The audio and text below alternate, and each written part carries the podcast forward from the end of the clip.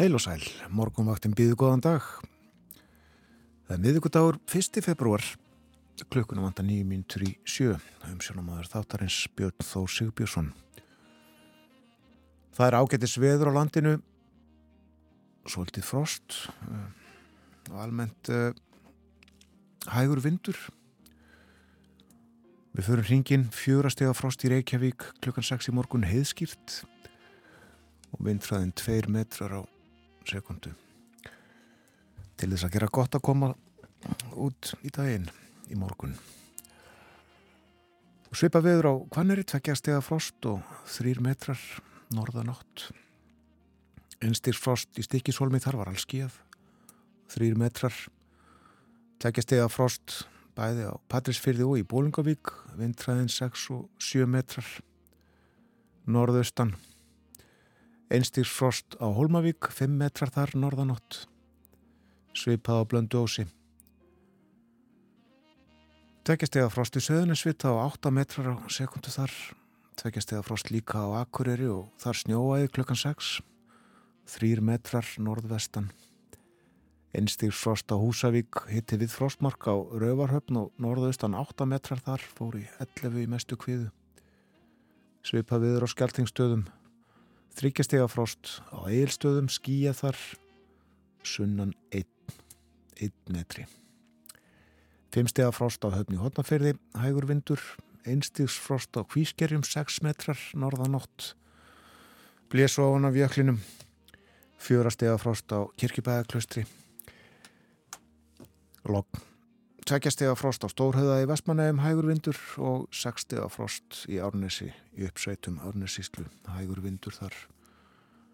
Og uh, frostið á Hálendinu já mest áttastig bæði á hverjafullum og veiðvatnarhaunni mest segi ég uh, já á þessu korti sem ég hef aðtuguna kortinu frá því klukkan 6 Þá er það horfurnar og ég hef yfir hugleðingar veðufræðings. Það er útlitt fyrir uh, norðaustan átt, uh, vindræðin að 10 metrum. Það mun snjóa á norður og austurlandi. En vindurinn uh, hægari, sunnan heiða og þar verður nokkuð bjart viður. Frost að sjö stegum. En það dregur til tíðinda í kvöld þá kvessir og enn frekar í nótt.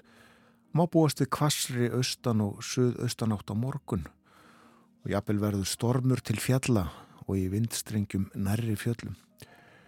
Úrkoma um land allt, eh, viða slitta eða snjókoma, hiti í kringum frostmarkið, en eh, á lálendi sunnan og suðvestarlands verður regning. Það er að segja þegar líður að hátegi, hlínar á þeim slóðum um tíma. En sent á morgun snýst svo í suðvestanátt, dregur úr vindhraðanum og úr komunni og þetta gerist fyrst um landið suðvestanvert annað kvöld og svo aðra nótt fyrir norðan og austan. Einhvern veginn svona verður veðrið í dag, já og á morgun. Tíðindi frá vegagerðinni, halkublettir eða halka á flestum leðum á suðvestulandi. Það er þungfært á fróðarheiði, þæfingsfærð á milli grundafjörðar og ólasvíkur, það er verða móka en hálka eða hálkublettir víðast hvar á Vesturlandi og snjóþekja sumstaðar. Þetta eru skeitin sem eru komin frá vegagerðinni þennan morgunin. Býtu nú við, nú var, uh, nei, meira á eftir. Það er ímislegt að daska á morgumaktræðinir í dag. Við ætlum að uh, fjalla um stöðuna í deilu eblingar og samtaka atunlífsins og aðkomu ríkisáttasemjur að henni. Við ætlum líka að tala um viðlagasjóð til hans að stopna fyrir 50 árum vegna gossins í Vesmanægum og uh, dansmálefni á dagskrá. Borgþór Argrímsson hér eftir frettinnar klokkan átt að ég feg betur yfir dagskrána eftir uh, frettinnar sem að koma eftir 5 minútur eða mitt. Og uh, tónlist, við leikum líka tónlist í þættinu þennan morgunin og setjum lag á fónin hér er Diana Ross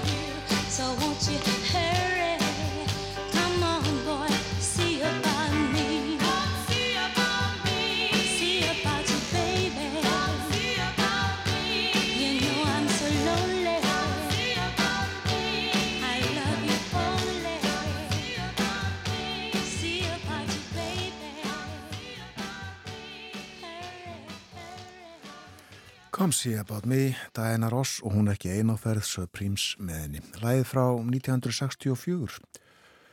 Diana Ross er 78 ári í dag og hún er enn að syngja. Já, fyrsta lag morgunvaktarannar þennan morgunin og uh, fleira nefni ég við spilum líka Neil Young í dag og Anne Linnet og Benny Goodman þau sjáum tónlistina á morgunvaktinni þennan morgunin. En fréttir koma hér eftir rúma mínútu. Við förum yfir dagskrá þáttarins eftir fréttinar, lítum í blöðin og uh, fjöllum um eitt og annað. Fréttir hér eftir smástund.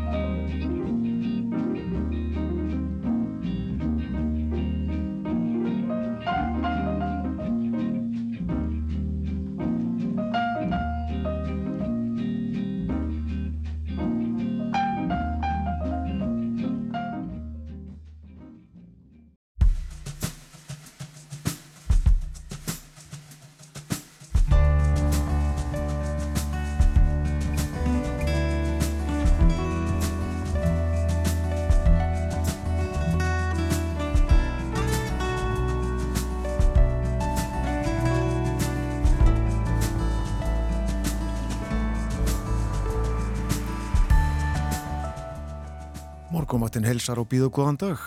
Februar er runnin upp, það 1. februar og já, miðugudagur. Vinnu vikan hálnuð. Umsjónamaður þáttarins er Björn Þó Sigbjörnsson. Við förum aftur og fram í tíma í þættinum í dag. Við fjöllum um nálefnum dagsins og söguna. Klukkan halv átta þá hverju við halva öld aftur í tíman til 1. februar 1973. Þá var viðlagasjóði komið á fót til að mæta því allra handa tjóni sem að var vegna eldgósins í Vestmanægjum sem að þá var nýhafið það er þá gósið í vikur rétt rúma. Viðlagsjóður sem slíkur er ekki lengur til. E, í dag höfum við náttúru hanfara tryggingu Íslands. Þar er Hulda Ragnhildur Árnadóttir Forstjóri. Hún verður hér halv átta. Við ætlum að revja upp starfsemi viðlega sjóðs á sínum tíma og fjalla um náttúru hanfarir, tjón og bætur. Og hér verður líka Gilvi Dalman Adalsteinsson, hann er dósend við Háskóla Íslands. Hans sérsvið er vinnuréttur, vinnudeilur og allt sem að slíku tengist og við ætlum að ræða um málefni eblingar, samtaka atvinnulífsins og ríkisáttasemjara og velta framvendunni svolítið fyrir okkur. Gilvi verður hér já upp úr hálf nýju og svo er það Danmörk, dönsk málefni, hvað ætli sé eftabögi í Danmörkum? Jú, ætli það sé ekki handbóltina þá. Danir heimsmeistarar í handbólta í þriðja sinni röð. Þjóðin uglust stolt af sínum mönnum, af strákunum sínum. Borgþór Argrímsson verður hér eftir morgunfrétnar og segir okkur frá ímsu dönsku. Og eins og ég saði frá áðan, eh, tónlist líka. Anneli nettin danska, Neil Young hinn kanadíski og uh, fleiri tónlistamenn, jú, uh, Benny Goodman við stefnum að að spila líka Benny Goodman. Og því ég nefndi þjóðverðni eh, Níls og Anni, Benny er bandarískur var bandarískur. En veðrið hvernig allir viðri í dag? Eh, jú spáin er svona norðaustan 5-10 metrar og jél á norður og austurlandi. Hægri vindur og bjart viðri sunnan heiða frostið að sjö stigum En það hversir í kvöld og nótt, nótt eh, verður austan og söðaustanátt 15 til 23 metrar á morgun. Við að snjókoma eða slitti, slitta og hiti í kringum frostmark. Ryggning á lálendi, sunnan og söðvestanlands þegar líður að hádegi, þetta var við um morgundaginn, hlínar heldur um tíma. Snýst svo í mingandi söðvestanátt, söðvestan til undir kvöld og draugur úr úrkominni. Emmitt það og svo ef við horfum lengra fram í tíman gengur í sunnan 15 til 23 metra á förstu dag á lögadag hvers suðvestanátt. Á sunnudag sunnan kvassviðri eða stormur. Á mánudag snýst í kvassa suðvestanátt. Á þriðudag suðvestan stormur ekki kræsilegt Og vegagerðin, hvernig ætli ástandið sé á vegum landsins, hálkublettir eða hálka á flestum leiðum á Suðvestulandi.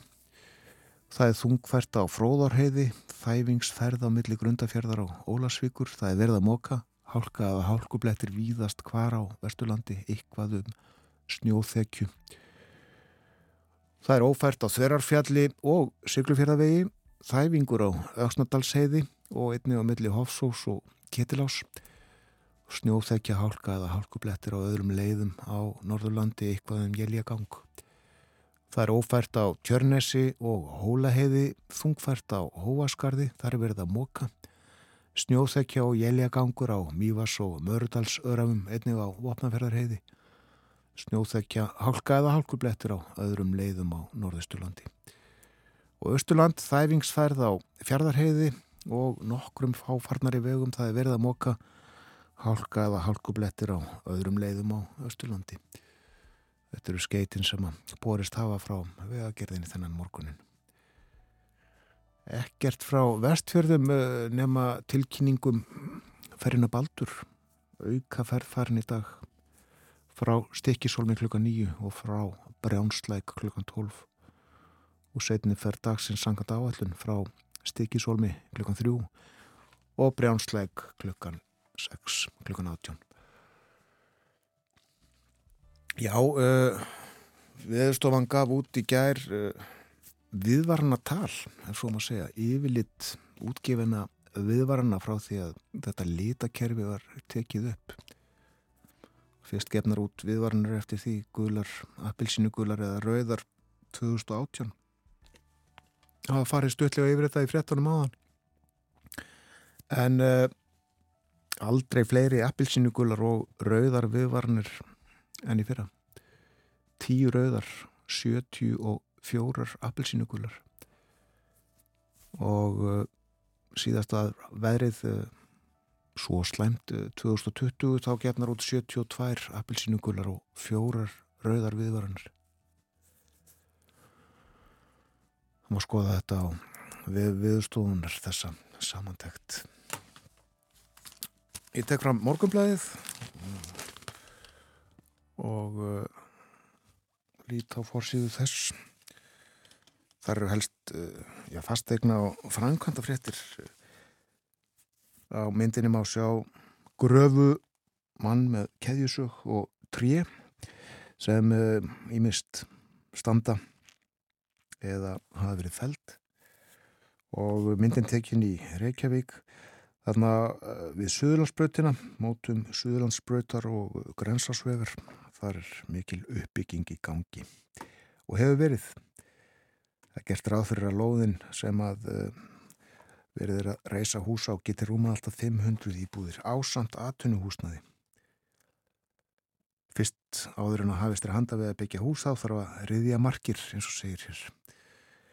Nú uh, svo er sagt frá fastegna viðskiptum sem framfóru á dögunum auglist til sölu íbúð í nýreistu húsi. Á reit sem að kallaður er Vesturvin þetta er niðan við Hjeðinshúsið Vesturbænum sem margir þekkja. Já, auglist þar íbúð þak íbúð og hún hefur verið selt á litlar 416 miljónir og uh, hér er farið yfir viðskipti með dýrar íbúðir og uh, reyfjaði upp að íbúð við hörpu var seld á 620 miljónir fyrir ekki svo lungu síðan. Fjallaði þetta í morgunblæðin í dag í viðskiptamokkanum og uh, meira Veralögur áhugir verðist vera á uppbyggingu á aðtarnasvæði á Hólmseiði. Reykjavíkuborg auglisti nýlega eftir fyrirtækjum sem eru áhuga sömum að staðsetja sig á 87 hektara svæði á Hólmseiði og uh, að bárust 56 erindi frá ymsum fyrirtækjum sem að lístu áhuga. Það er ættir við Óla Örn Eiríksson. Hann er teimistjóri aðtapnaborgarinnar á skrifstofu borgarstjóra aðtapna borgin með stórum staf og Óli Örd segir að um sig að ræða markaðskönnun til að átta sig á hvers konar fyrirtæki hafa áhuga á því að staðsetja sig á holmsheiði hversu stóra hlóðir þau þurfa og hversu mikið þau getu hugsa sér að byggja. Þetta var fórsíða morgunblæðsins og uh, réttablaðið það er á vefnum.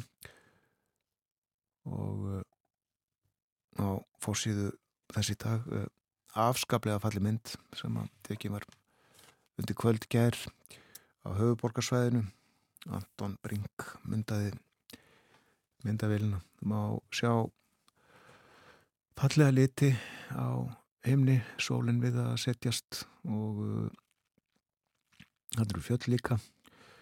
Og svona þund snjólag yfir sem uh, þekur þó ekki alla jörðina fjöllin hóla og hæðir sem að sjást á myndinni. Og þannig líka byggð uh, nýbyggingar á Kásnesun í Kópavogi. En uh, fyrir svo stóru fréttarinnar á fórsvíu fréttablasins er kvartaðundan eftirliti sem ríkið felur keppinautunum.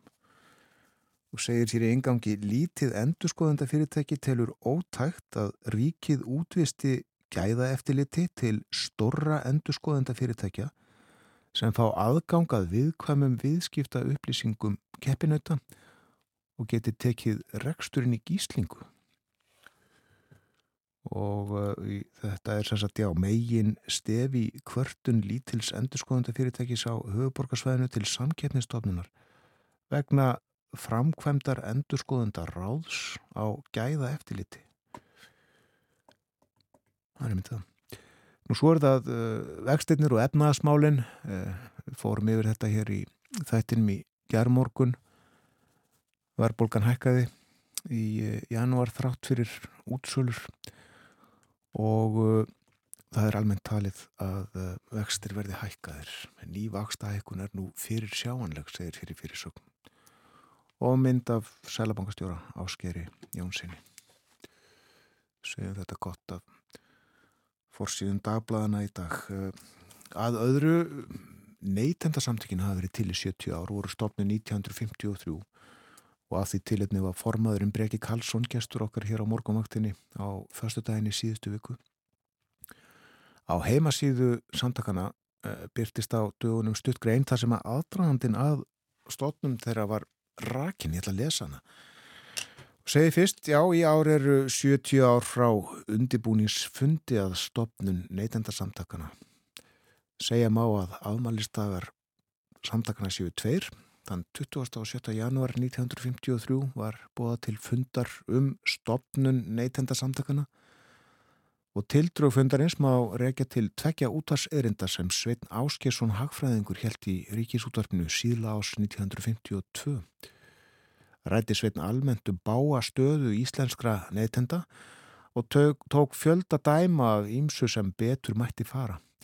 Erindin vöktu verðskuldaða aðtykli og úr varð að Sveit á samt Jóhanni Sæmundsinni profesor og Jónínu Guðmundsdóttur sem þá var formaður húsmaðurafélagsreikjavíkur. Þau bóðuðu til fundarins fyrir hönd ímissa áhuga manna eins og það var orðað. Fundurinn var vel sóttur og tóku margi til máls. Það var kosin bráðabyrjastjórn sem skildi gera uppkast af lögum og undirbúa framhaldsstoppfund. Og sáfundur var haldinn 23. mars og markaði formlega stopnun neytenda samtakana. Svo er í þessari grein sagt stutlega frá Sveini Áskisinni. Hann var í áháfræðingur og var fyrsti formaður neytenda samtakana, bar hitan og þungan af starfseminni fyrstu 15 árin.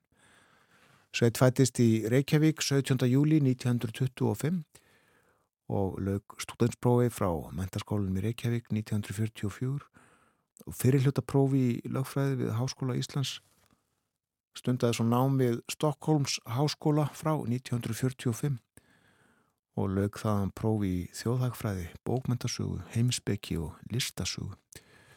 Það var fjölmentaður og fjölhæfi maður, hófa sinna bladamennsku á námsárunum, varð landstektur sem stjórnandi einhverja vinsælistu skemmti þátt að í sögur ríkisútarsins á sínum, árum, á sínum tíma. Þetta var á árunum 1952 til 1960 Hann var vel réttfær, afkastamikill rétthundur um markvíslega efni, þýtti ímis erlend rétt og syndi útgáðumálum. Var hægur maður og ljúfur í viðkynningu, vel að sér um markvíslega málefni og eldtugi þegar því var að skipta. Engum hvað var það við neytindamál og málefni blindra. Það var sæmdur gullampanum æðsta heiðusmerki blindrafélagsins 1985 gerður að heiðusfélaga neytendasamtakana 1986 Sveit lést í júni 2002 og uh, þessi skrif sem sé á heimasíðu neytendasamtakana og þetta er kapli, stuttukapli úr sögu þeirra sem Ragnhildur Guðjónsdóttir reytaði Ég nefndi það hér í spjallinu við Breka Karlsson Forman á förstu daginn að uh, við höfum stundu leiki brot úr þáttum sveins úr útarpinu vógun vinnur, vógun tapar þar sem að borðnar voru upp spurningar nýð þungar alveg. Sérvaldar í sérflokkum sem að fólk fekk að velja sér eh, það hafði samband við Svein og sagði ég til ég að koma eh, sérsvið mitt er þetta. Og hann og hans fólk eh, laðist yfir þau fræði og fann til spurningar já, sumar alveg óbáslega þungar. En yfirleitt átti fólk gott með að svara þeim eins og, eins og við þekkjum dæmi um og, og þetta er kannski ágætt ábendingu áminningum að leika hér fleiri brot úr vógun vinnur, vógun tapar sem að sveit sáum í útvarpinu Nú uh, að tónlist uh, það er í dag 60 ár síðan að Neil Young tróð fyrst upp á hljómleikum. Neil Young var þá 17 ára. Hann kom fram í sveitaklúpi einhver staðar í heimalandinu, Kanada. Og við ætlum að leika lag eh, sem að eh, Neil Young sendi frá sér 1972. Það er á plötunni Harvest frá því ári og eh, hér er hann á tónleikum. At the end, or when something's happening, like everybody's clapping or something, then take the pictures, okay? Thanks. Other words. is a new song that I wrote about my ranch. I live on a ranch now. Lucky me.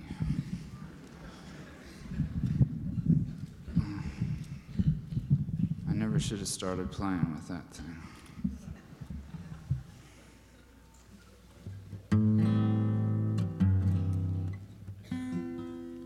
This old man who lives on it that uh,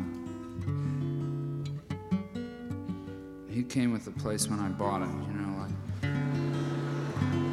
they have uh, ranches have foremans. You know, usually it sort of like stays there with the cows, no matter who owns it.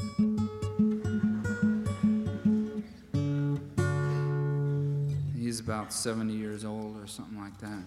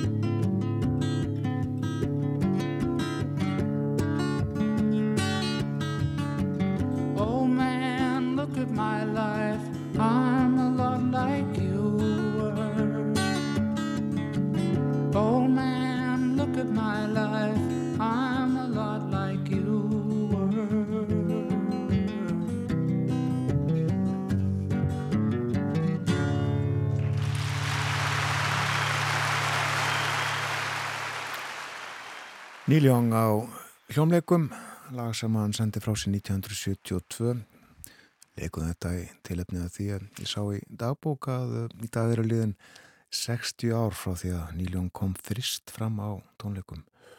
Þá 17 ára og uh, eins og ég sagði það þá var það í sveitaklúpi einhver staðar í Kanada. Hefða ekki nákvæmera en svo?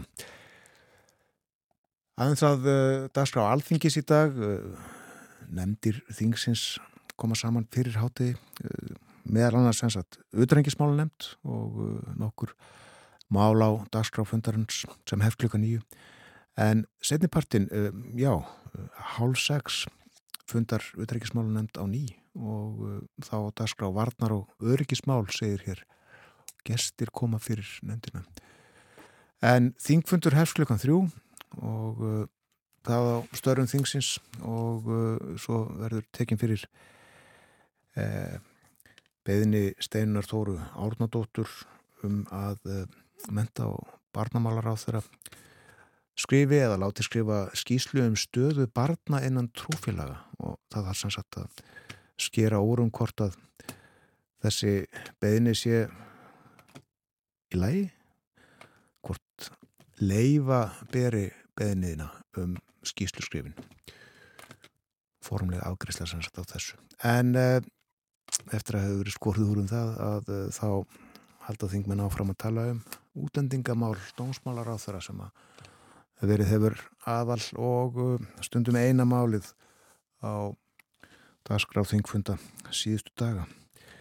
Og ekki almenlega ljóst hvenar umræðum um þetta mál líkur en fleiri á dagskráni svo er að sjá hvort að þau komist til umræðu. Greiðslureikningar heitir eitt peningamarkaðsjóður annað. Sértrið skuldabrif og fjármála fyrirtæki heitir þriðamáli sem eru þarna dagskráð þessa þingfundar sem að hefst eins og áður saði klukkan þrjú í dag. En uh, að því sem er framöndan hér uh, fyrir fólk sem var að vakna eða kveikja á útvarpinu eftir stuttastund verður hér forstjóri uh, náttúru hanfara tryggingar Íslands. Hulda Ragnhildur Átnardóttir við ætlum að reyfið það upp að það eru liðin 50 ár frá því að viðlagasjóður var settur á stopp Bortur Argrímsson verður með okkur eftir morgun frettnar klukkan 8 og uh, svo verður hér hálf nýju Gilvi Dalman Adalstinsson dósend við háskólan við ætlum að tala um deilu eblingar og samtaka aðtunulífsins og yngripp ríkisáttasemira en uh, frettaeflit kemur eftir stutastund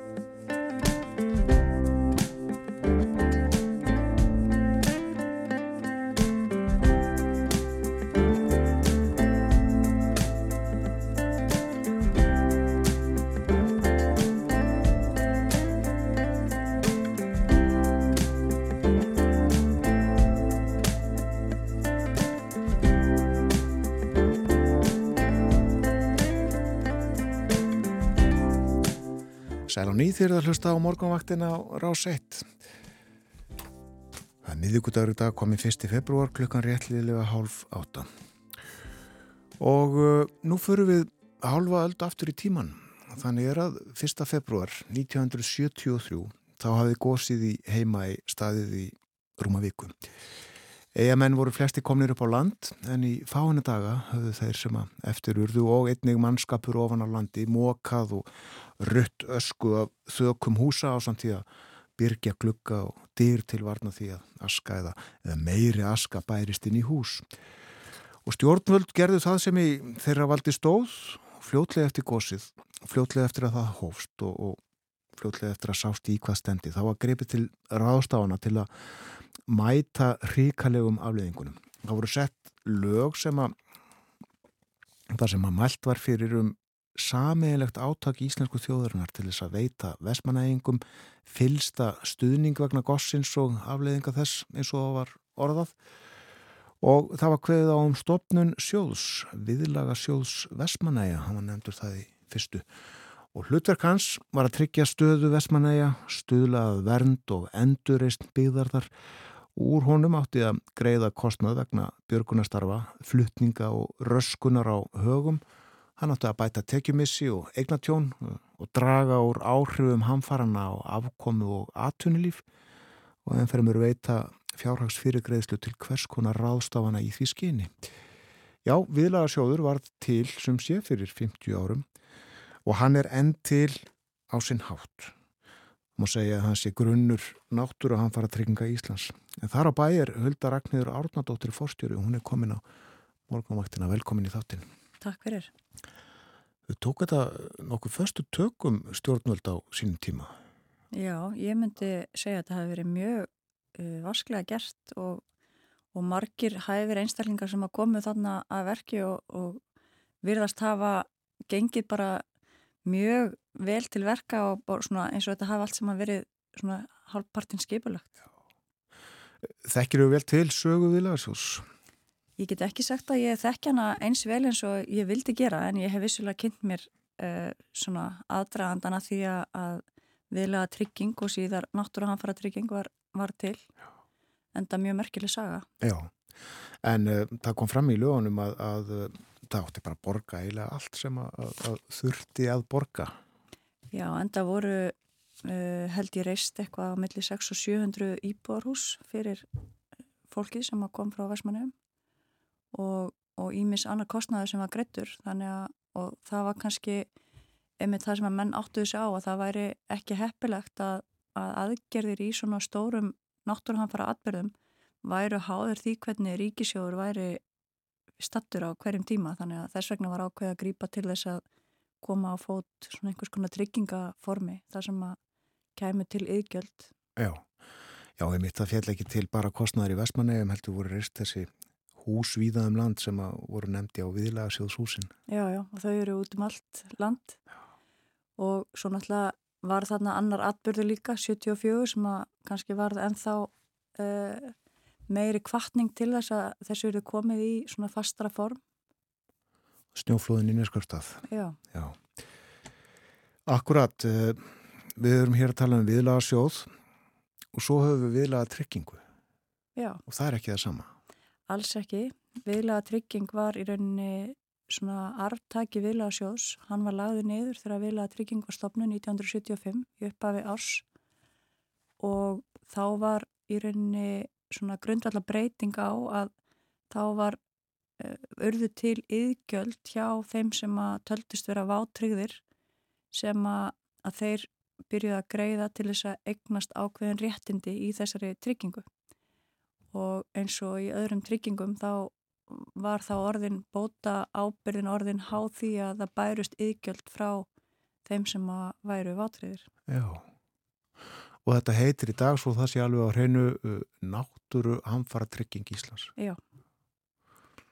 Langt orð, náttúru hamfara trygging. Já, og ég hef oft verið spurð hvernig í ósköpunum datt einhverjum í hug að breyta nafninu úr þessu gamla góða viðlaga trygging í náttúru hamfara trygging og staðrendin er svo að, að það var að mínum að þetta er mjög mikilvægt vegna þess að, að fólk var búið að missa svolítið tengingu við það hvað viðlaga trygging þýtti Já.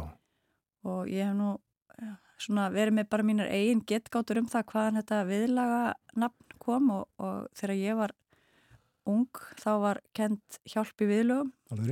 Sem var svona skyndi hjálp hérna nútímans.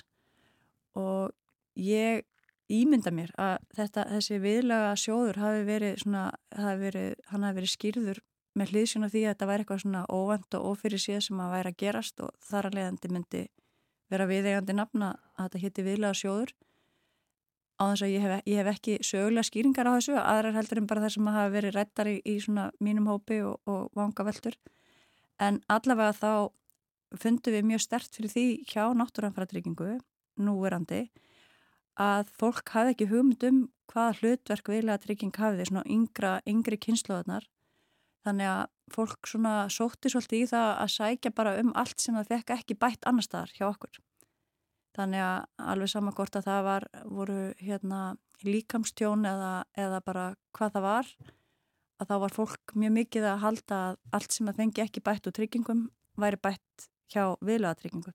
Já, skiljanlega kannski útfæðið með þessu hjálpi viðlugum. Það gæti verið. Já. Þannig að, að neðurstaðan var svo að nafninu var breytt svona meira í ætt við það hvaða hlutverk stopnunin hefur og þetta er, e, svo það komið fram, stopnun, ríkistopnun sem er í 100% eigu íslenska ríkisins.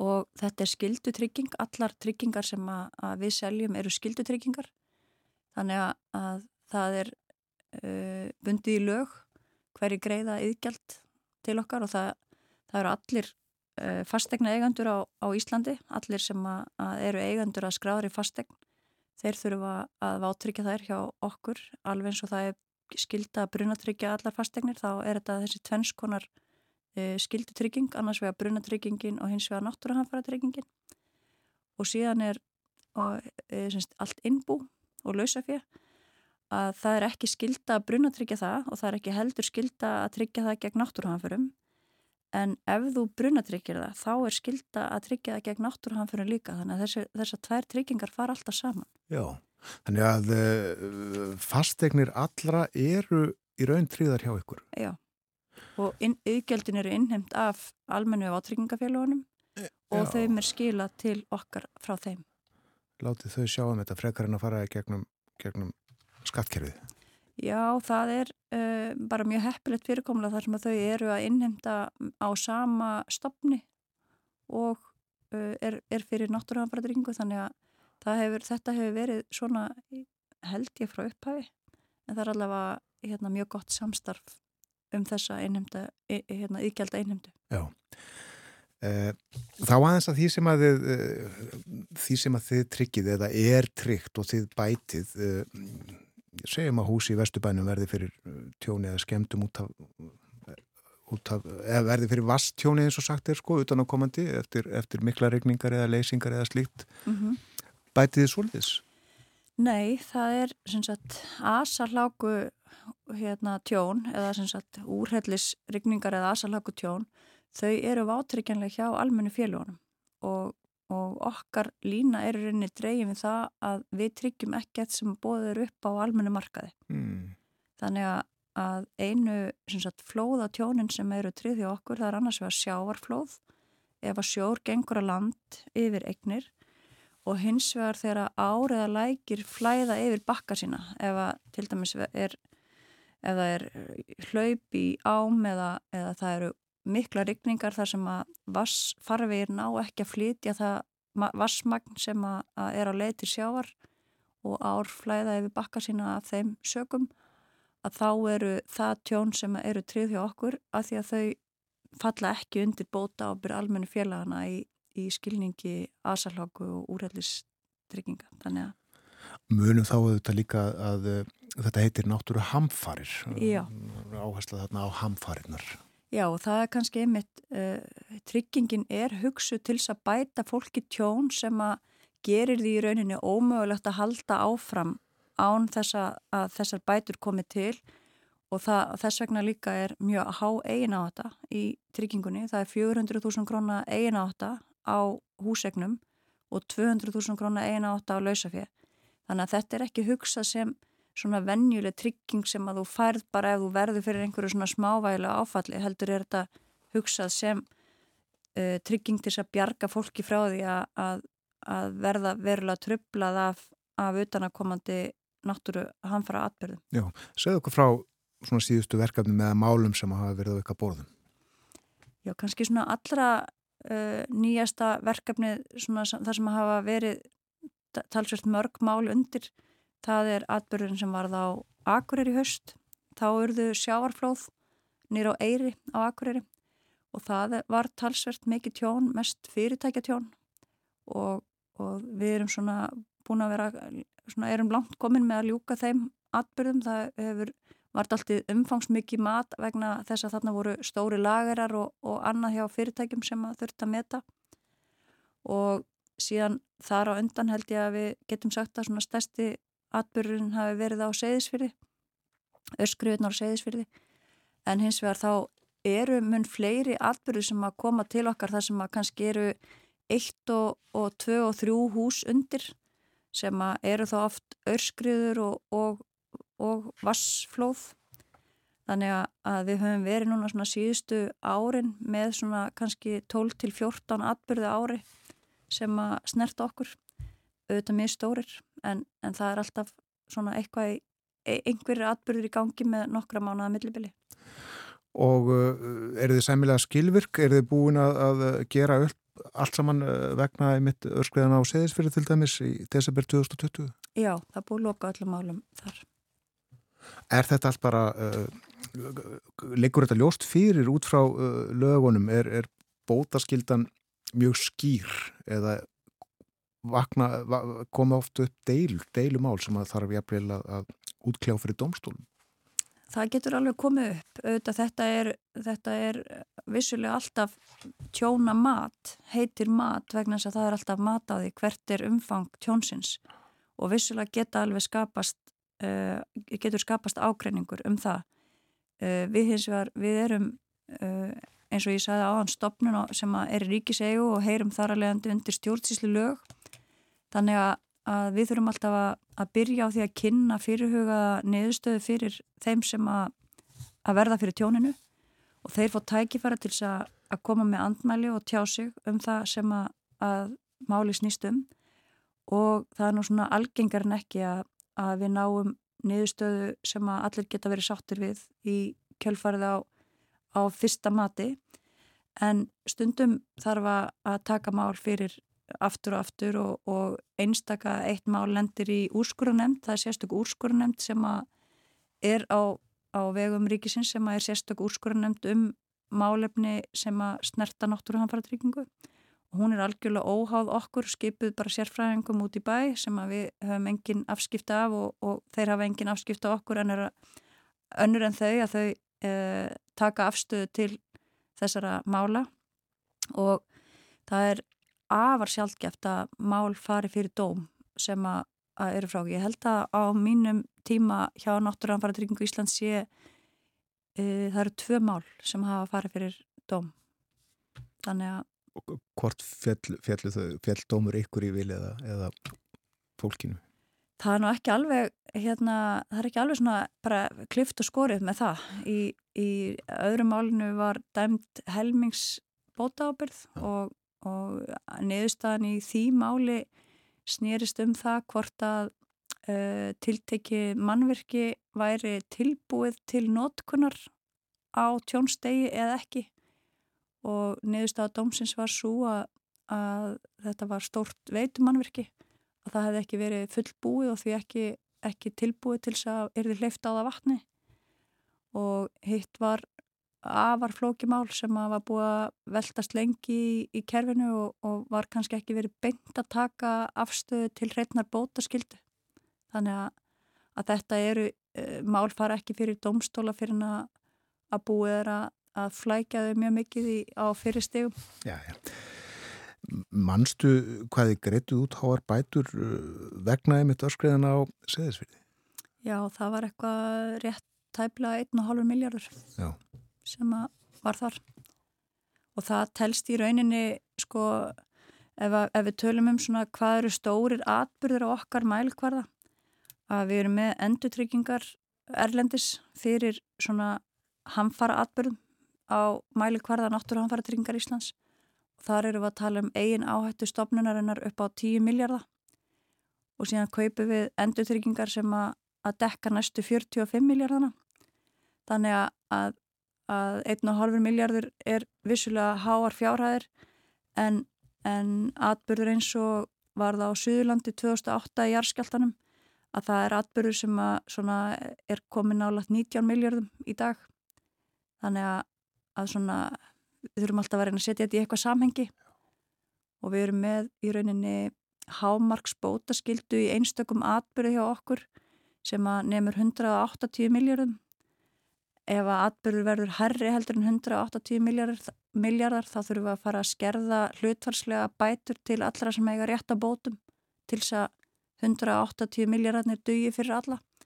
Þannig að, að þetta eru háar fjárhæðir sem að verður að tala um Það er náttúrulega svakalegar hamfæri til þess að, að verði tjón sem að er verðmetið á þetta Já, það er alveg, alveg klárt Get, Geti það orðið?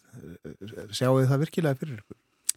Eh, það eru, við þurfum mjög mikið byggingamagn á, á tiltölu að þéttum stað til þess að við sjáum fyrir okkur 180 miljardar atbyrð þannig að við erum þá að líta til höfuborgarsvæðisins og, og mjög mikil stjóns á höfuborgarsvæðinu og kannski þá svona alltjóns atbyrður eins og ef að við fengjum raunflóð inn á höfuborgarsvæðinu sem að við vitum að það er raun viða á höfuborgarsvæðinu að, að þá sjá alveg fyrir okkur að, að slíkt tjón þótt að sé afar litla líkur á því að slíkt tjón eigi sér stað að þar væri við að tala um mjög háar fjárhæðir. Já, já.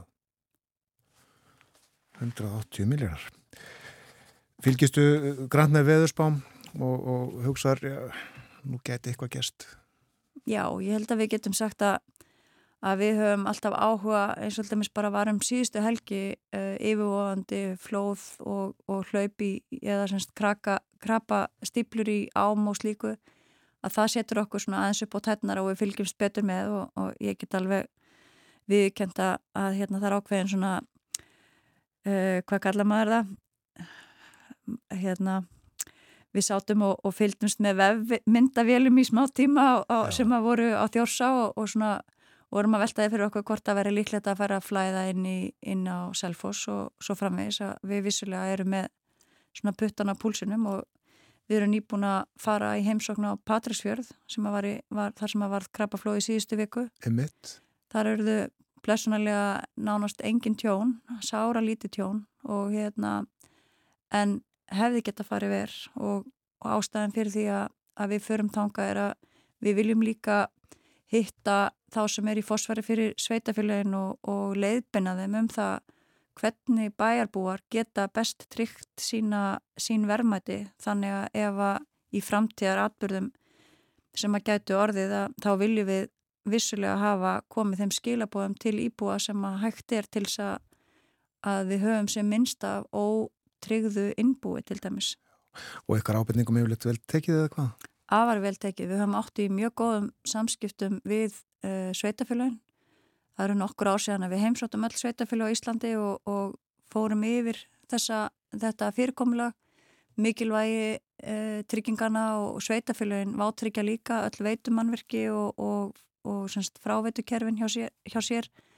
Uh, þau eru öll tryggð hjá okkur og þá er líka mjög mikilvægt að þau séu meðvituð um að, að hvernig þau eru skráð vegna þess að þegar maður er tryggður þá er það skráningin og, og yðgjaldar grunnurinn sem að skiptir öllu upp á það hvernig bætur eru síðan reknaðar þegar að tjóni kemur og við gerum allt sem í okkar valdi stendur til þess að halda fólki þannig upplýstu að það get ekki uh, eiginlega svegt sér yfir því eftir að tjón hefur orðið að það hafi ekki vitað að það þurft að sinna tryggingunni. Einmitt er ekki rétt um að ríkisegur eru almennt ekki tríðar? Já, það er rétt að ríkisegur eru almennt ekki tríðar en svo undantekning er í þessu að brýr sem eru lengri en 50 metrar að það eru allar tríðar hjá okkur þótt að þessu eigu vegagerðarinnar. Já. Og það er kannski líka svona til þess að minga höggið á stórum atbyrðum og, og hérna þannig að, að þær hafa, við höfum nokkrum sinnum greitt út slíkar brýr. Já en annað tjón hjá ríkinu þarf bara að greiða á ríkisjöði? Uh, allar húsegnir eru, eru tryggðar uh, brunatryggingu hjá okkur þannig að það nei, eru- tryggðar, segi ég, náttúruhanfara tryggingu vegna þess að þær eru alla skildu brunatriðar. Já, einmitt, já. Já það- þetta en við um húsegnunar. Já, þetta var við um húsegnunar, en svona valkvæðar tryggingar eru ekki almennt hjá ríkinu. Nei, einmitt. Er það almen, almennt og eðlilegt vinnulög? Já, ég held að það sé þannig að það sé algengt í öðrum löndum líka. Já, akkurat. Já, þetta var um viðlaga, sjóðviðlaga tryggingar og náttúru hamfara tryggingar. Þakkaði kellega fyrir að koma yngar á morgunvaktina. Takk. segja okkur frá. Sömulegist, takk fyrir að taka á móti mér. Hulda Ragnæður Arnóndóttir, fórstjóri, fórstjóri náttúru hamfara trygginga Íslands. Þessu orði e, viðlögum var skipt út fyrir fáinum árum og e, kannski ekki vanþörfu á. E, fólk skildi það ekki almennilega eins og Hulda Ragnæður saði okkur frá hér áðan. En uh, hún var hér uh, svona öðrum þræði vegna þess að uh, í dag eru uh, einmitt 50 ár frá því að viðlaga sjóði var komið á fót, viðlaga sjóði Vestmanæði eins og hann uh, hétt fyrst eða, eða var allavega nefndur í frumvarpsdrögum. Já, uh, stjórnvöld höfðu hraðar hendur og uh, komið þessum sjóði á fót uh, þegar gósið hafði í eigum í 60 daga eitthvað svo leiðis. Viðlaga sjóðs húsin, fólk uh, þekkið þau. En framöndan eru fréttir kom eftir rétt rúmar 5 mínútur eftir þær verður Borgþór Argrímsson með okkur við eh, förum til Danmerkur, förum til Danmerkur í huganum, fjöllum um dönsk málefni eins og hann gerir með okkur hér á morgunvaktinni annarkvæmt miðugudag.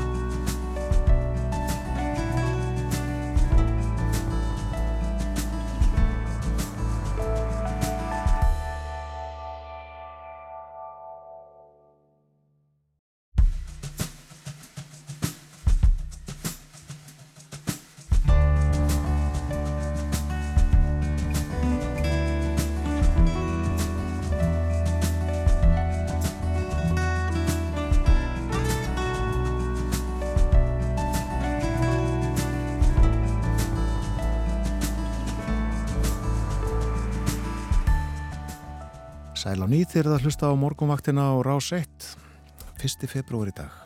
Miðugudagur, klukka núna rétt eppar 6 mínútur gengin í nýju. Ég minni á að hér eftir hálf nýju verður hjá okkur Gilvi Dalman Aðalsteinsson, dósent við Háskóla Íslands. Við ætlum að tala um stöðuna í kjaradeilu, eblingar og samtaka atvinnulífsins, ákomu ríkisáttasemjara og þennan nút sem að málið allt er í velta fyrir okkur stöðunni og uh, möguleikum á lausn. En næstu mínútur ætlum við að fjalla um dönskmálefni. Engaði komin Borgþór Argrímsson, sérlegur upplýsingar sérfræðingur okkar um dönskmálefni. Heil og sæll og góðan dag.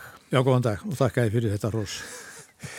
Við ætlum að byrja á að tala auðvitað um handbólta. Danir ný ornir heimsmeistarar, þriðja skiptið í röð Mm. og þegar þú varst hérna fyrir tveimur vikum að þá að, að Danirni þeir mæru nóg eða voru þá ekkert sérlega uppteknir af hinsmestramótinu allavega þarna þegar fyrstu, fyrstu leikirni stóðu. En uh, að þeir myndu spara aðteklina svona fram að síðari stigum og, og þeir hafa líklega fylst grant með uh, fram til síðustu sekundum Já, sko þeir telja það nánast sjálfgefið að þið náu langt á alþjóðlegu mótum í handbólta og, og fara svona fyrst að fylgjast með af alvöru þegar að lengra er komið og, og þegar er komið svo undan úrslitum og tala náttúrulega um úrslitin þá tala danirnir varlega manna þegar að, þegar að í röði eru ennþá með í baratunni eins og, eins og náttúrulega núna. Já, þá fara þeir í rauðu treyðunar sínar Danirnir Já, já, já, já. já, já. Draga frá fánana. Já, draga frá fánana. Þetta er einstök síðu ganga. Já, og það má nú alveg segja það og, og uh, þeir hafa náttúrulega á undarförnum árum uh, staðið sér mjög vel, bara undarförnum mörgum árum núna og heimsmeistara þrísverði röð og 2019, 21 og svo, svo aftur núna. Þetta verður engin önnur þjóð gert. Nei. Þetta er aðtiklisvert. og þeir eh, fenguðu þetta gull á olimpíuleikum 2016 Já, það er nú líka stil undir stjórn Guðmundar Guðmundssonar Gleimum því ekki Þá uh, sko voru nokkrir í liðinu sem eru enþá að meðal hannes uh, Mikkel Hansen sem að oftar en einu og oftar en tvísar hefur verið kjörin besti handbóltamaður í heimi og að, að mati sérfræðingar lang besti handbóltamaður sem Danmörk hefur átt alltaf auðþektur á ennisbandinu uh, sem hann ber ætti í leikum og hefur gert um, um ára bíl. Já, tölum aðeins um ennisbandið og eftir kannski en, en uh, það fá nú ekki sérlega mikið fyrir húnum í úrslita leiknum.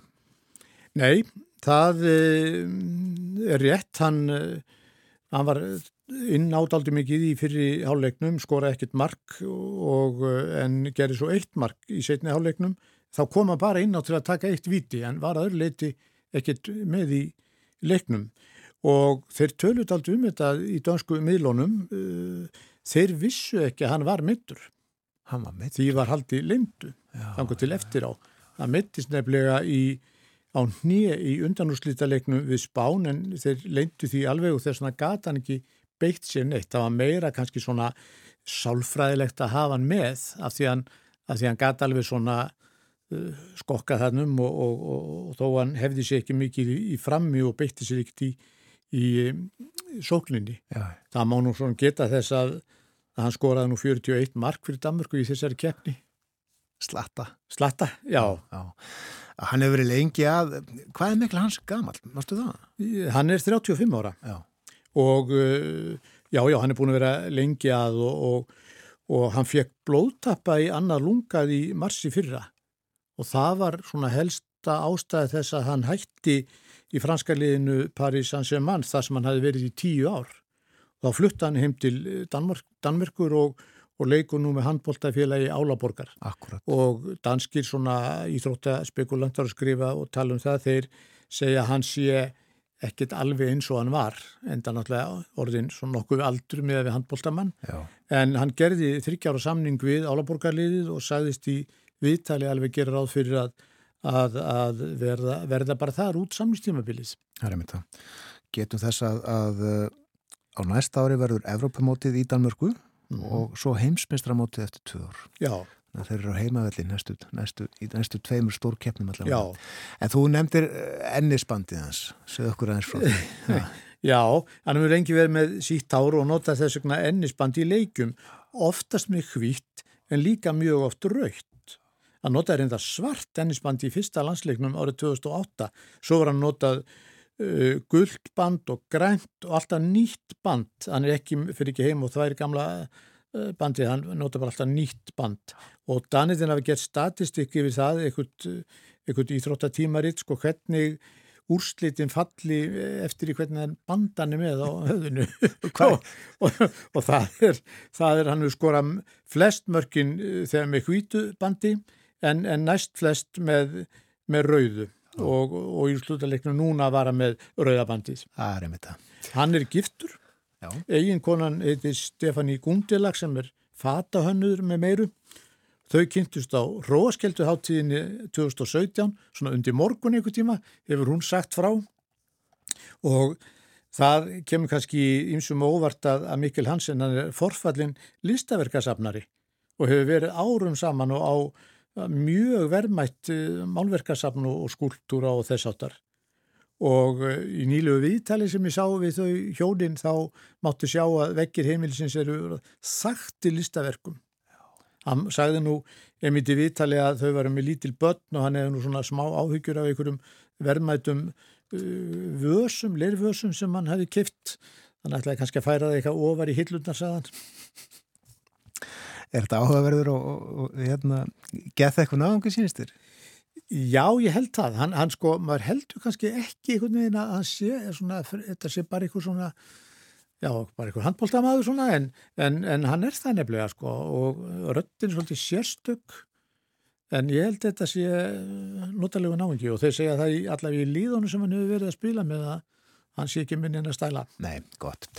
Það var auðvitað mikið um dýrður í Danmörku þegar liðið kom heim stuttleið heim svo sem frá Svíþjóð.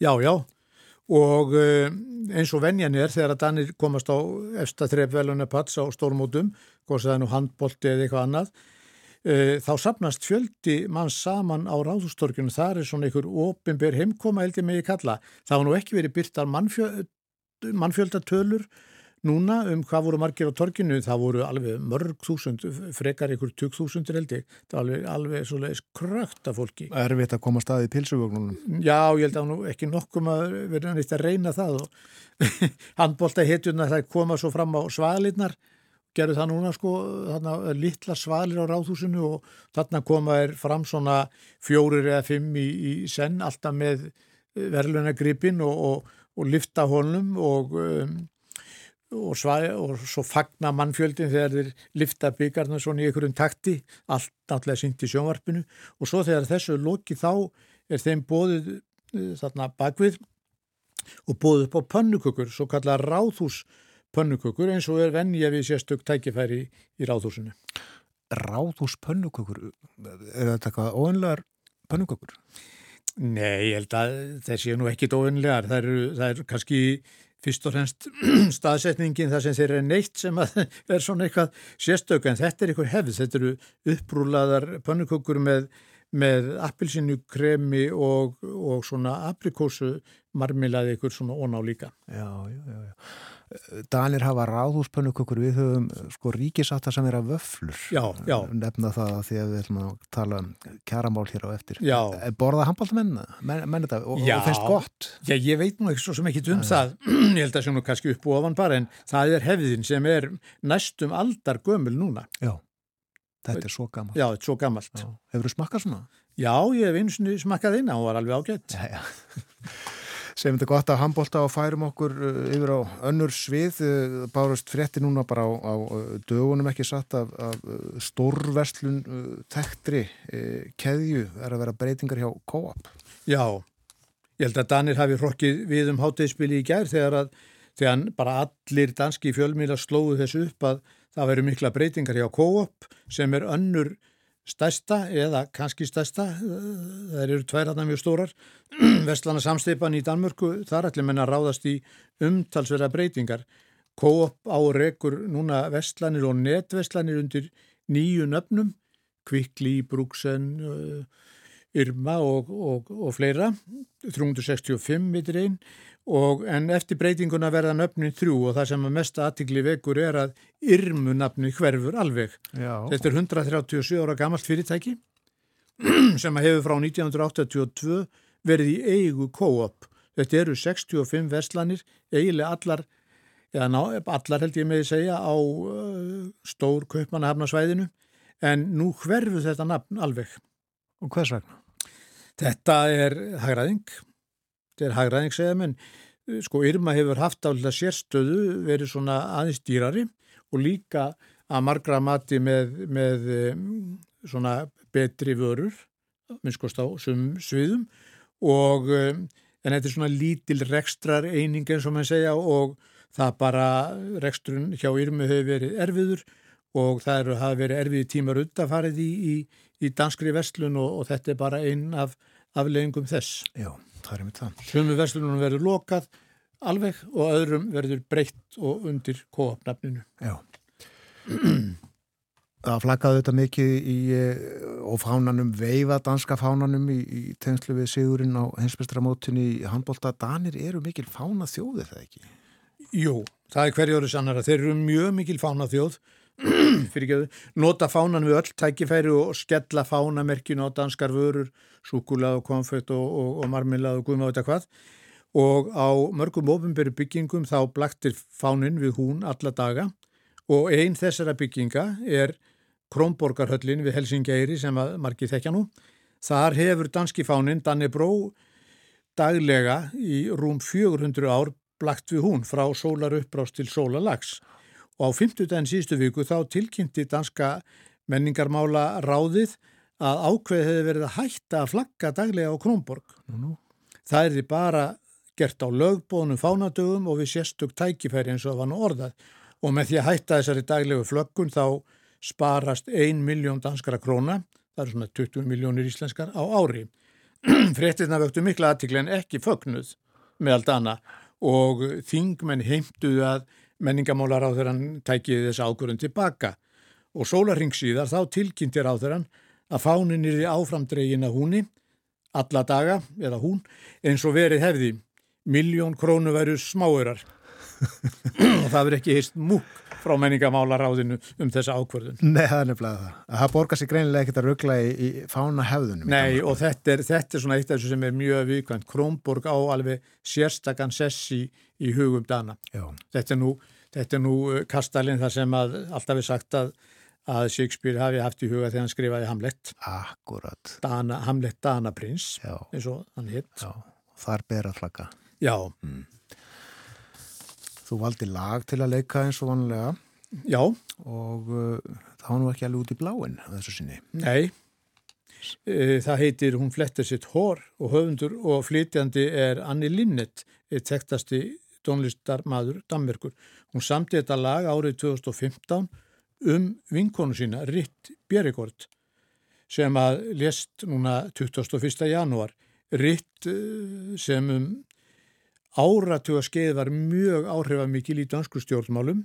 Þær voru mjög mikla vinkonur og hún hefði skipulagt út fyrir sína, Ritt, og alveg út í ystu æsar og ákveða að Anni Linnet myndi flytja lagið sem, við, sem á að, að, að leika við út fyrir hennar og það er þess að við hæfa við heyrum þetta lag því að Ritt verður einmitt jærsungin í dag Já, klukkan eitt að dönskun tíma. já. Hún var stórmerkilegu stjórnmálamæður. Já, hún var stólmerkilegur stjórnmálamæður og það var náttúrulega mjög mikið fjallað um hana þarna e, núna eftir hún, hún dó.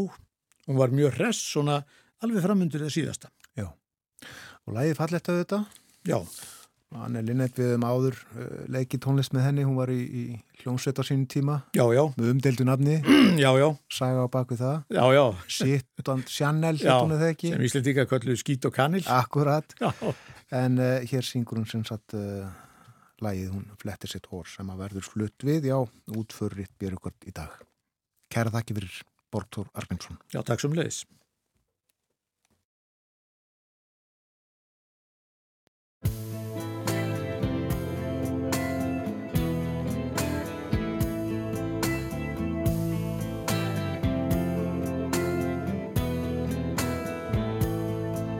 Der står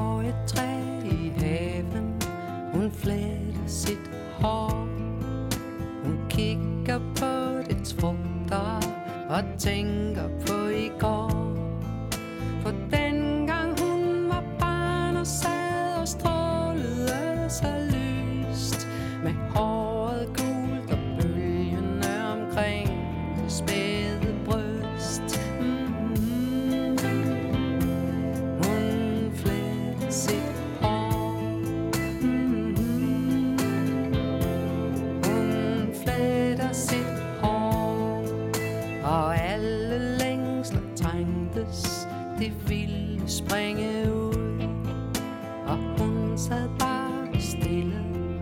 Som nu bekymret bror. For alt hun elskede fandtes Og solen den var god og drømmene blev flettet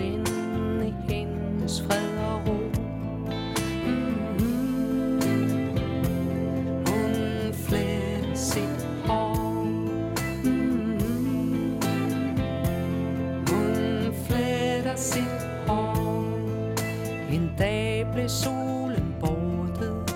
Hun kiggede ikke op. Og vinden tog i træet og ruskede kronens top. Hun sad som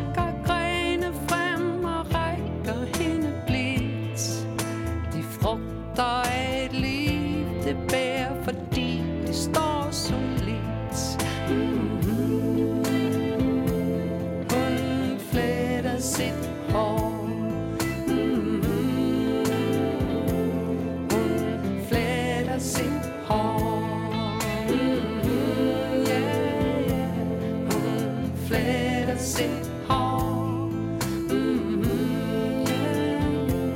Hun fletter sit hår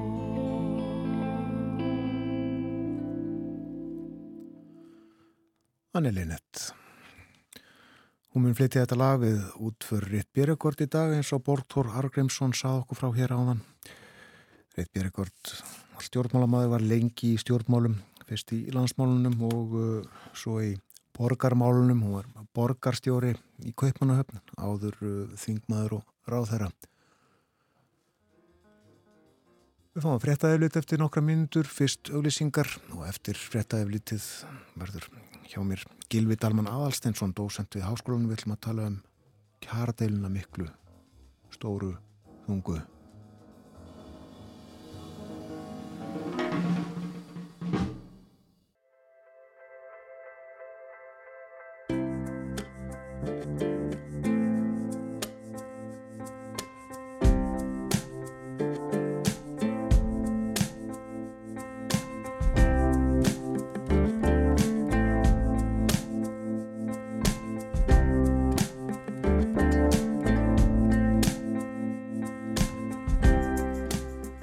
Sæl aftur þér að hlusta á morgumaktina á rás 1, klukka núna réttliðlega hálf nýju og framöndan síðasti hluti þáttarins.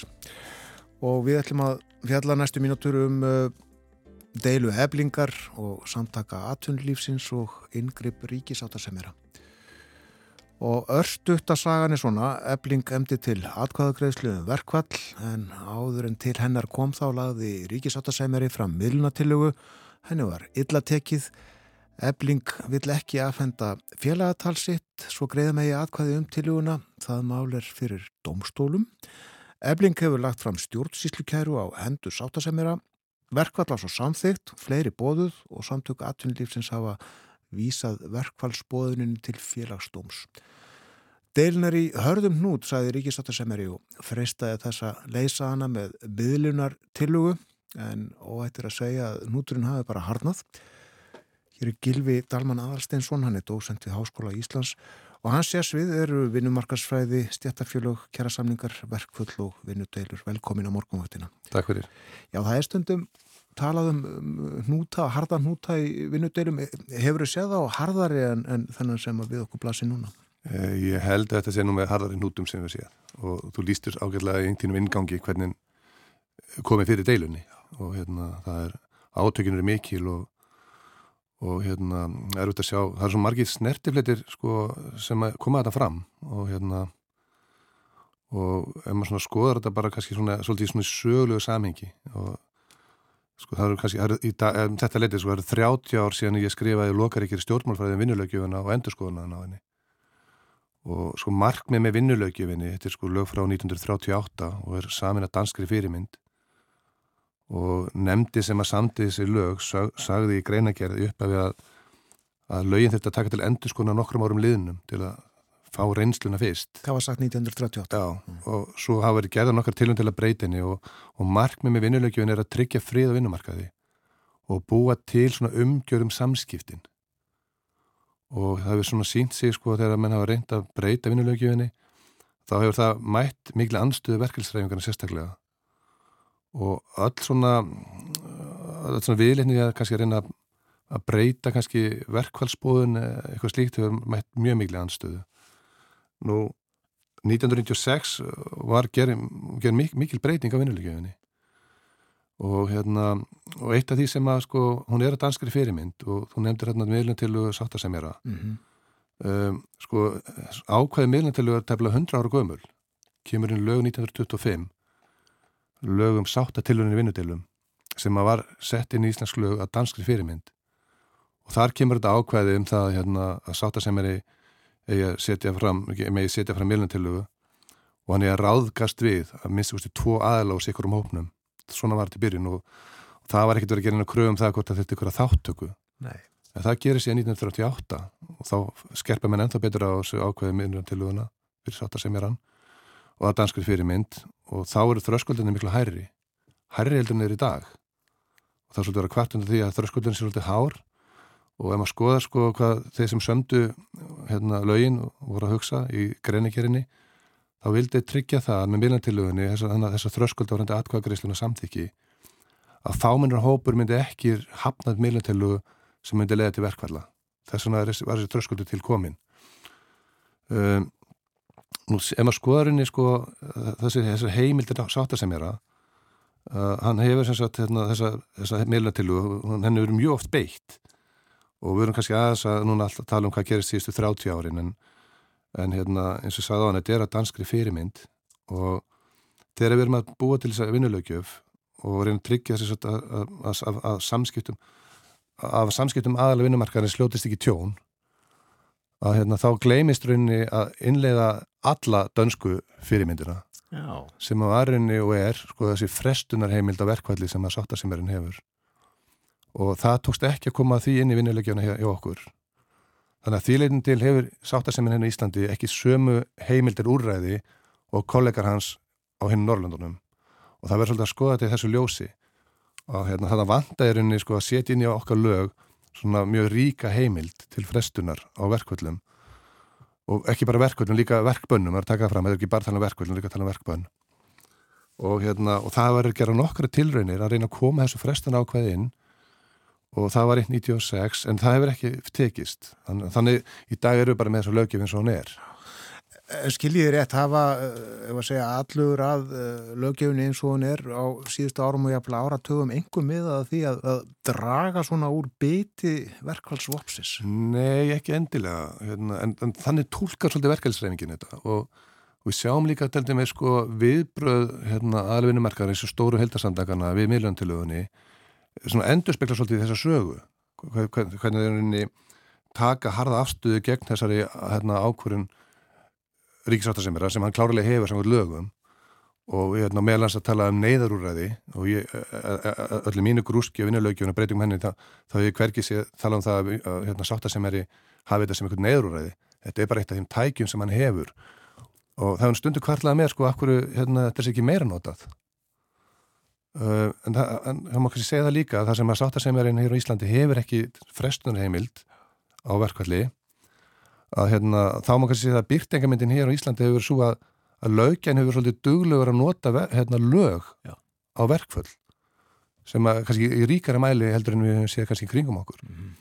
þannig að og hérna og, og já, það er það er svona ákvæmna ástæður sem að þurfa að liggja til staðar eða verður fyrir stað til að að grípa til lagasetninga en hérna, það er kannski einn svona byrkningamyndin maður velti því fyrir sér Já, Já það er deilt um þetta yngripp sáttasemir það efast raun engin um heimildans til að, að leggja fram miðlunatilugu en það er mitt skipta skoðanir um sko, hvað fælst í orðinu samráð komst inn á það aðan og, og svo er það tímasetningin, verkfall hafi ekki verið samþýtt hvað þá hafið. Já, já, já, þetta er allt álita mál og, hérna, og bara mjög áhört að fáta allt saman upp á yfirborðu fyrir þessu verið vantarlega leist fyrir domstólum og hérna bæði þá í hérastómi og svo er félagstómur að vantilega fara úrskurða um lögumættið hvort það sé lægi að hefja verkvalla meðan að milna til að hefur lög fram. Já, og svo hefur lög fram líka uh, stúfsískera já, já, þannig að þetta er mjög snúið alls saman. Og hérna en sko það má kannski líka benda á eitt ebling er stort og öflugt stjættafélag og hérna og, og forveri eblingar það að sést að tala um dagsbrún verkamanna félagi dagsbrún var svona lengi fara brotti og hérna og þar var nú með öflugan leitu að Gvendi Aka sem margir muni eftir.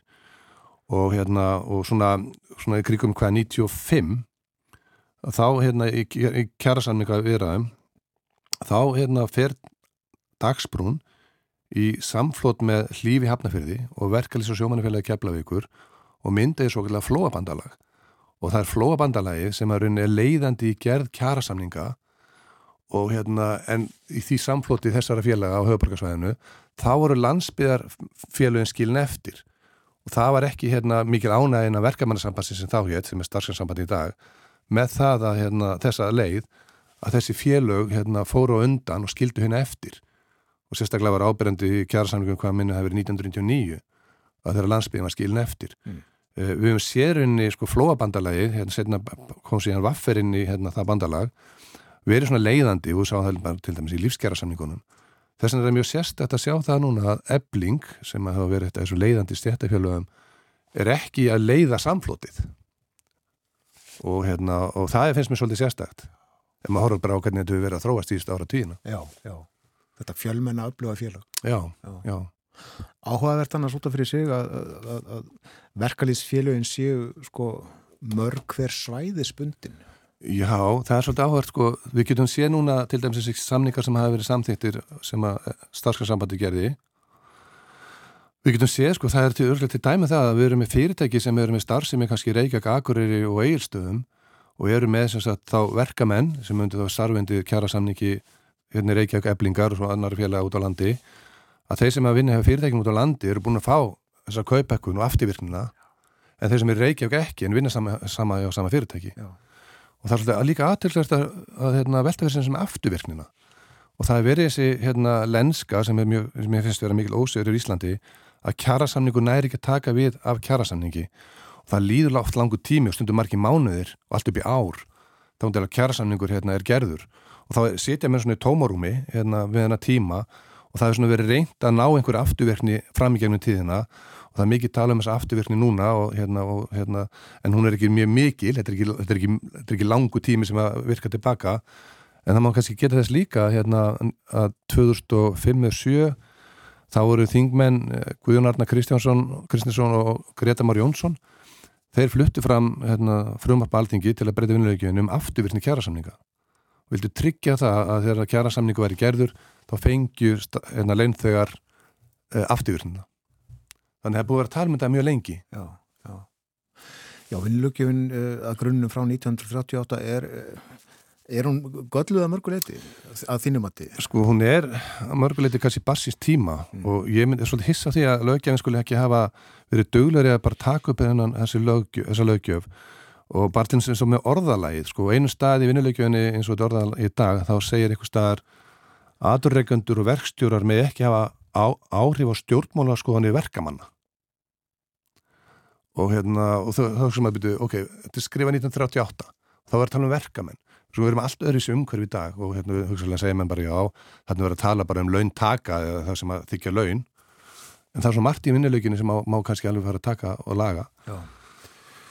Og nefnum það að ríkistjórnin sem nú starfar ætlaði sér það eh, er með stjórnarsáttmálun nokkur, nokkur fyrirheit stuðlað verður að bættum vinnubröðum og aukinni skilvirkni við gerð kjærasamninga að höfðu samráði við aðila vinnumarkaðinins, þetta segir í stjórnarsáttmálun. Hefur eitthvað, séð, einhverja tilbyrði til þess að laga þetta? Já, það má nú kannski segja það sko, hérna, ríkistjórnin til Rós og aðal vinnumarkaðinins, það er því svo kallar hérna, kjæra tölfræði nefnd. Já sem að vinnur mjög mikilvæg upplýsingar um, um, um kjaratölfræði sem er líka til grundvallar og hefur verið að vinna og skilja af sér skýslu mjög áhugaverðum niðurstöðum. Það er, það er svona kannski grundvallaratriði. Nú varandi skilvirkni kjarasamninga hérna, sem að, sko fyrst til að ég má kannski nefna það að við erum með ótrúlega mörg stjættafélög. Við erum með mjög svona, svona flókin vinnumarka. Við erum kannski með vinnustad hér sem er með allt upp í 29 stjættafélög og, hérna, og það verður að gera mjög marga kjærasamninga og kannski eftir fyrir mjög fámenn að hópa og við, hérna, þar að leiðandi eru mjög marga samningseiningar inn á vinnustöðum. Og það er svona kannski, kannski fóður svolítið fyrir höfrungalöpi markfræga. Og hérna og eitt af því sem að hérna maður er svona, ég, ég meðal annars nefnt sko sem möguleika til, að, til lausnar kjaradeilu sem búin að standa mjög lengi og er harðvítug það er að beita og nota hérna gerðadóma mm -hmm. og við höfum séð bæði ríkisáttar sem er að nota gerðadómstillöguna eh, með minnum hafi gert það í millunatillögu til hjúkunarfræðinga að setja launaliðin í gerðadóm og, hérna, og þeirra hafi verið sett lög á verkvöld sko, þá er ríkistjónin gefið mönnum smá tíma til svirum til að ná samningi. Ef ekki þá verið skipað gerðadómur og þá var gerðna sagt varandi gerðadómin að hann ætti að taka mið af launathróun sambælar hópa. Og, hérna, og það er kannski svona leiðin kannski til að högva á þessa, þessa miklu deilur en, en má ekki gleyma því að þetta er bara, við erum búin að hafa þetta fyrirkomulega í sko ára tvíi og, hérna, og þetta er ekki nýtt að þessi vera það sem ég finnst áhverð núna út frá vinnumarkarsfræðinni það er hvernig einn eblingurinn setur upp þessa verkfalls aðferði sínar. Sko síðustu 30 ár þá menn, menn hurfur svolítið frá þessum allsera verkvallum og fór að taka upp svona tímabundin verkvall sem að stigmögnuðust. Voru ákveðni dagarvaldir og nokkur hópar og svo í lókinn hátt að byrja allsera verkvall en núna sjáuð sem við ekki sé lengi ákveðna hópum sem er að fara í verkvall og bara ótímabundi verkvall og það er svolítið nýtt sko sem við ekki séð í ára tíi og hérna og sko ég var sjálfur tók þátt í verkvalli 1991 sem verkamæður og fluglegum og verandi dagsbrúnamaður og hérna þá ákvað dagsbrúna að beita þremur hópum fyrir sig í verkvalli það var hlaðmenn og reykjaflugli, við vorum átjóntalsins það voru bensinakruðslu menn og verkamenn hjá mjölkursamsölunni og þessum hópum var beitt svona mismundi tímum, þetta var rétt fyrir jól og, hérna, og, og þá er þessum hópum beitt fyrir allan fjöldan og hérna og ég man að hérna, við sem að vorum þá að taka þessi verkvelli, við vorum ekki sérstaklega ána með það að vera sendir í verkveld fyrir allan hópin þannig að við sjá, sjá þetta svolítið gerast aftur í dag. Akkurat, já, það er áhugavert. Uh, Annað sem að ríkistjórnun ætlaði sér og, og finna má í, í stjórnarsáttmálunum styrkja þar hlutverk ríkisáttar sem er að til að bæta undirbúning og verklafi gerð kæra samlinga, fækka málum sem lenda í ágreiningi og tryggja að kjaravirður dræðist ekki úr hói fram til að mynda með standandi gerðatómi í kjaratilum sem eigur fyrir sjáleika og réttar öryggi deilu aðila. När maður lítur kallt á þetta þá hérna, virðist ríkistjórnin eh, ætla, hafa ætla sér allavega að, að svona fækka, fækka tilvikum eins og uppi komið núna og, og, og forða verkvöldum. Já, já, og hérna, eins og ég sagði á þann að þegar þú setur inn í lögjöf uh, fyrirmynd dana sem á að virka eins og þetta virka hjá dönum, þá þarf þetta að taka allt inn í mm. og það til dæmis að hérna, sko, ég er ekki að segja það ef að, að sáttasemeri hefði þessa frestunarheimil sem ég tel að sé mjög mikil þetta hann hafi og hefur bara reynst mjög vel í hérna, nákvæmlandunum okkar það er að segja Noregi, Danmörku og Svíþjóð sérstaklega þá í Danmörku þannig að, þannig ég held að það hérna, væri til bóta Já En uh, varandi gerðardóm, uh, báðir aðalar þurfuð þetta fallast á að mál fari fyrir gerðardóm eða ekki? Já, og hérna, og þú, og, og, sættir við að deila sér löði gerðardóm og þú unni niðurstu henni. Já. Og hérna, og það er svona að veri svona, svona gaggríni sem hefur svolítið komið á niðurstu gerðardóms, uh, sérstaklega þegar gerðardómsleginu eru farið gegnum lagasetningu, það er að segja hefur sett lögu verkvöld og síðan hefur skipað gerðardómur, hérna, samkvæmt lögum. Og þá hefur eiginlega verkefælstrengið svolítið gaggrínt niðurstu gerðardóms finnst það svona frekar hallað á frekar vinnvendaliðina hérna, en, en það er alveg hægt að nota sérstaklega ef að deila er mjög hardvítu og það sér ekki fyrir endan á löst deilunar að, hérna, og, og ég er svona persónlega svolítið hrifin af gerðardómsleginni bara og við erum með lögum gerðardóm almennt og skjóta með deilum hérna, í gerðardóm. Mm -hmm. Eh, Ríkisáttar sem er að gekk alveg án efa bara gott eitt til eh, þegar hann laði fram þessa miðluna til og eh, hann hefur nú líklega ekki sett þessa atbyrður ás alla fyrir hvað svo myndi gerast. En tímasetningin á miðluna til og vakti miklu aðtykli hvað finnst þér um hann? Já, ég er hérna svolítið erfitt átt að sjá því sko, við erum að skoða núna tilögur sem að er 100 ára gömul og maður hefur ekki getað lagst í mikla rannsóknir að skoða hvernig þetta er að virka hinga til. Eh, það er svona, ég vilti hefur kannski hérna, minnum til að vera beitt sko þegar verkvallir hafið. Það er svona það sem við þekkjum en hérna en það er svona, ég get þrist mér ekki þess að svara þeirri spurningu en það er vantilega er domstóla úrskur um það? Já. hérna hvort þetta sé lögmættið ekki? En, en allavega klárlega hefur ríkisáttar sem er í þessa heimil til þess að hérna, og mér sýnist það til dæmis í gamla daga, þú veist, það er kannski að tala um hérna á fjóruða áratug slíkt, sko, þá beittum en þessari minnetölu miklu, miklu oftar þá gefil áður en alltaf komið í nút Við höfum séð kennara og hjúknarfræðinga og aðra verkvalli vikum saman og þess að greipa sér til þess að, að, að, aðgerðar. Já, já, það er náttúrulega kannski eins og Ásmundur Stefán fyrir ríkisáttur sem er, hefur satt núna frá í fjölmjölum frá milnatilunni sem hann laði fram 2004 sem var Kolfeld og, og hérna, það, það voru harvítuar vinnudeilur og verkvall kennara á þessum tíma og hérna þannig að, já, já, það er en það má kannski veltaði fyrir sig sko, sko svona, í vinnumarkisfræðinni oft tala um það að verkvall sé svona aflegging af missefnuðu kjærasamningaferli það er eitthvað sem verður úrskeiðis. Að, en, en það má ekki gleyma því að, að verkvall og líka verkbann, þetta er neyðar réttur og, og þetta er mjög mikilvæg réttur hann er, all, er allstaðar virtur í kringum okkur og, og þegar hérna, ríkistjónin hefur gripið til lagasetninga á hérna á, á verkvall og þetta er bara bann, lagbann á verkvall það er mætt mikil anstöð og og hérna, það þurfa að vera mjög ríkar ástæður fyrir hendi. Ser það einhverja lust? Já, þessi vinnudilegum leysist eins og allar aðrar og hvenar og hvernig, það er auðvitað að segja til um það og hérna nú, ég hef búin að svolítið tíðrætt um lagasetningu og fórsfráðara þörd okkur það er beitt lögum að þessa vinnudelu það sé hún er ekki hafið, en verkvæl er ekki hafið sko og hérna, ég menn geta alltaf sami allar tíð. Það má líka sko nefna það hérna að verkalýs hreyfingin eða stjættafélun sem er að fara í vinnu deiluða verkvall getur fresta verkvalli þannig að, þannig að það er spurning, maður veit ekki en, en þetta er mjög áhverð deila sérstaklega sem er áhugavert hvernig þeir setja, hvernig ebling setur upp verkvallið svona mismundi tímu, mismundi hópa og ótímabundið. Já.